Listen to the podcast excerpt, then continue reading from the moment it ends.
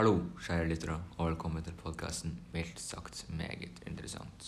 Mitt navn er Theodor, sønn av Håvard Jansen, og jeg er her i lag med min gode venn Emil Pedersen, sønn av Roger. Si hallo, Emil. Hei, hei.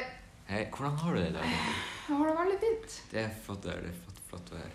Um, I dag skal vi snakke om andre verdenskrig, nærmere bestemt andre verdenskrig her på Rognan.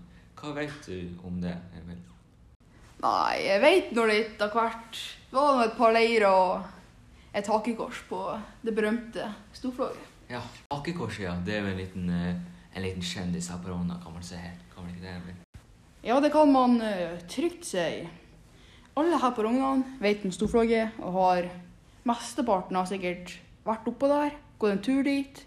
Ja, man kan jo altså gå en, gå en tur på Storflåget, men du kan også gå en tur for å se den nydelige utsikten over dalen vår, bygda vår, ovenifra. Har du vært der, Theodor?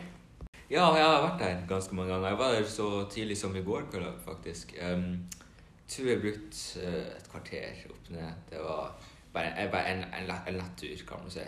Um, men uh, det er ikke akkurat det vi skal prate om. Kommer til Storflåget. Uh, vi hadde jo um, hakekorset som er mala der. Um, hva vet du om det hakekorset? Vet du hvordan det oppsto, og historien bak det hakekorset?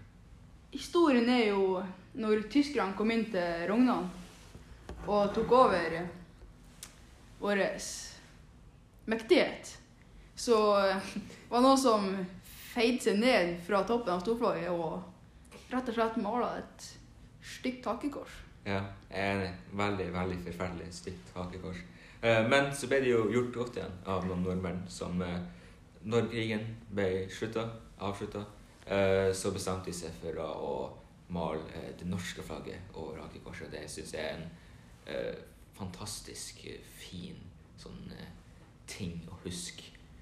Den seieren i malingskosten. Det er også masse annet å huske. Hva annet er det å huske om krigen på Rognan? Vet du det? Ja, på Rognan så var det jo kjent å ha masse fangeleirer. Ja. Det var jo omtrent 17-16, tror jeg da. Oi, ja, det er ganske mange fangeleirer. Ja. Hva, hva, hva, hva er de mest kjente fangeleirene? Hva er de største og kjente? Jeg tror de kjente var på Botten. Ja. Og så var det noen på Saltnes, på Bakken. Ja. ja. De eh, jugoslaviske i Botten har jo jeg hørt eh, har også en ganske kjent historie. Ja. Eh, når det kommer til eh, blodved. Mm. Ja, det er jo en ganske forferdelig trist historie. På samme tid som det er en, en, en flott, flott historie om historien her på, her, på Rognan. Den historien går sånn at det var en krigsfange som jobba på blodveden. Eh, han ble han, tror, jeg vet ikke om han ble drept, eller om han døde av eh, dårlige forhold og sånn, men eh, i hvert fall så kom eh, broren hans og malte et kors i blod. Det korset blir malt over med rød maling hvert år. Og mm, jeg personlig har aldri vært der. Jeg føler at det, det er noe jeg burde, burde ha fått sett. Emil, har du noen gang vært der?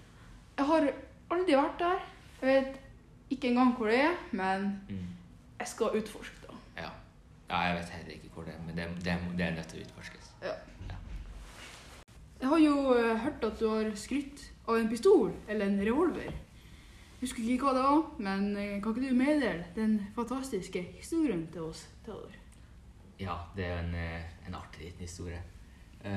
Det tok kanskje plass til jeg var rundt ni-ti år gammel. Det hadde seg sånn at vi hadde en forferdelig dårlig vei utafor huset vårt, Regimentgata. Det var jo en, eh, sementgate. Veien var sement. Og det er jo ikke særlig optimale forhold. Det var veldig humpete og dårlig vei. Så de bestemte seg for å fikse det, naturligvis. Um, og gjøre det om til asfalt. Da måtte de jo grave opp den gamle veien.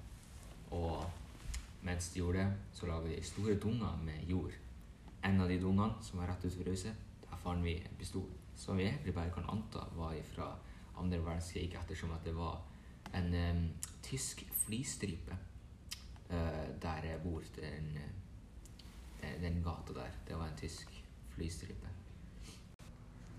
Ja, du Theodor. Jeg har et lite spørsmål til deg. Mhm. Du vet når tyskerne okkuperte Norge, eller mer bestemt Saltdal, var det trygt for saltdalingene å bo her? Jeg er litt usikker på det, skjønner du. Jeg, jeg tror faktisk ikke det var det. For noen av dem var det kanskje det, men det var Jeg har hørt mange historier om eh, folk um, som fikk eh, husene sine okkupert eller stjålet, mer eller mindre, av tyskerne for at de ble stanset for at det var et fin plass å bo. Jeg har lyst til å bo her, og så nå bor de der. Selvfølgelig fikk de kanskje tilbake etter krigen, jeg vet ikke helt. Uh, men kanskje det det var trygt for noen. Men for andre folk som var en del av motstanderbevegelsen, så var det ikke kanskje like fint å være et menneske her på Rognan. Nei, de ble kanskje ikke behandla så fint.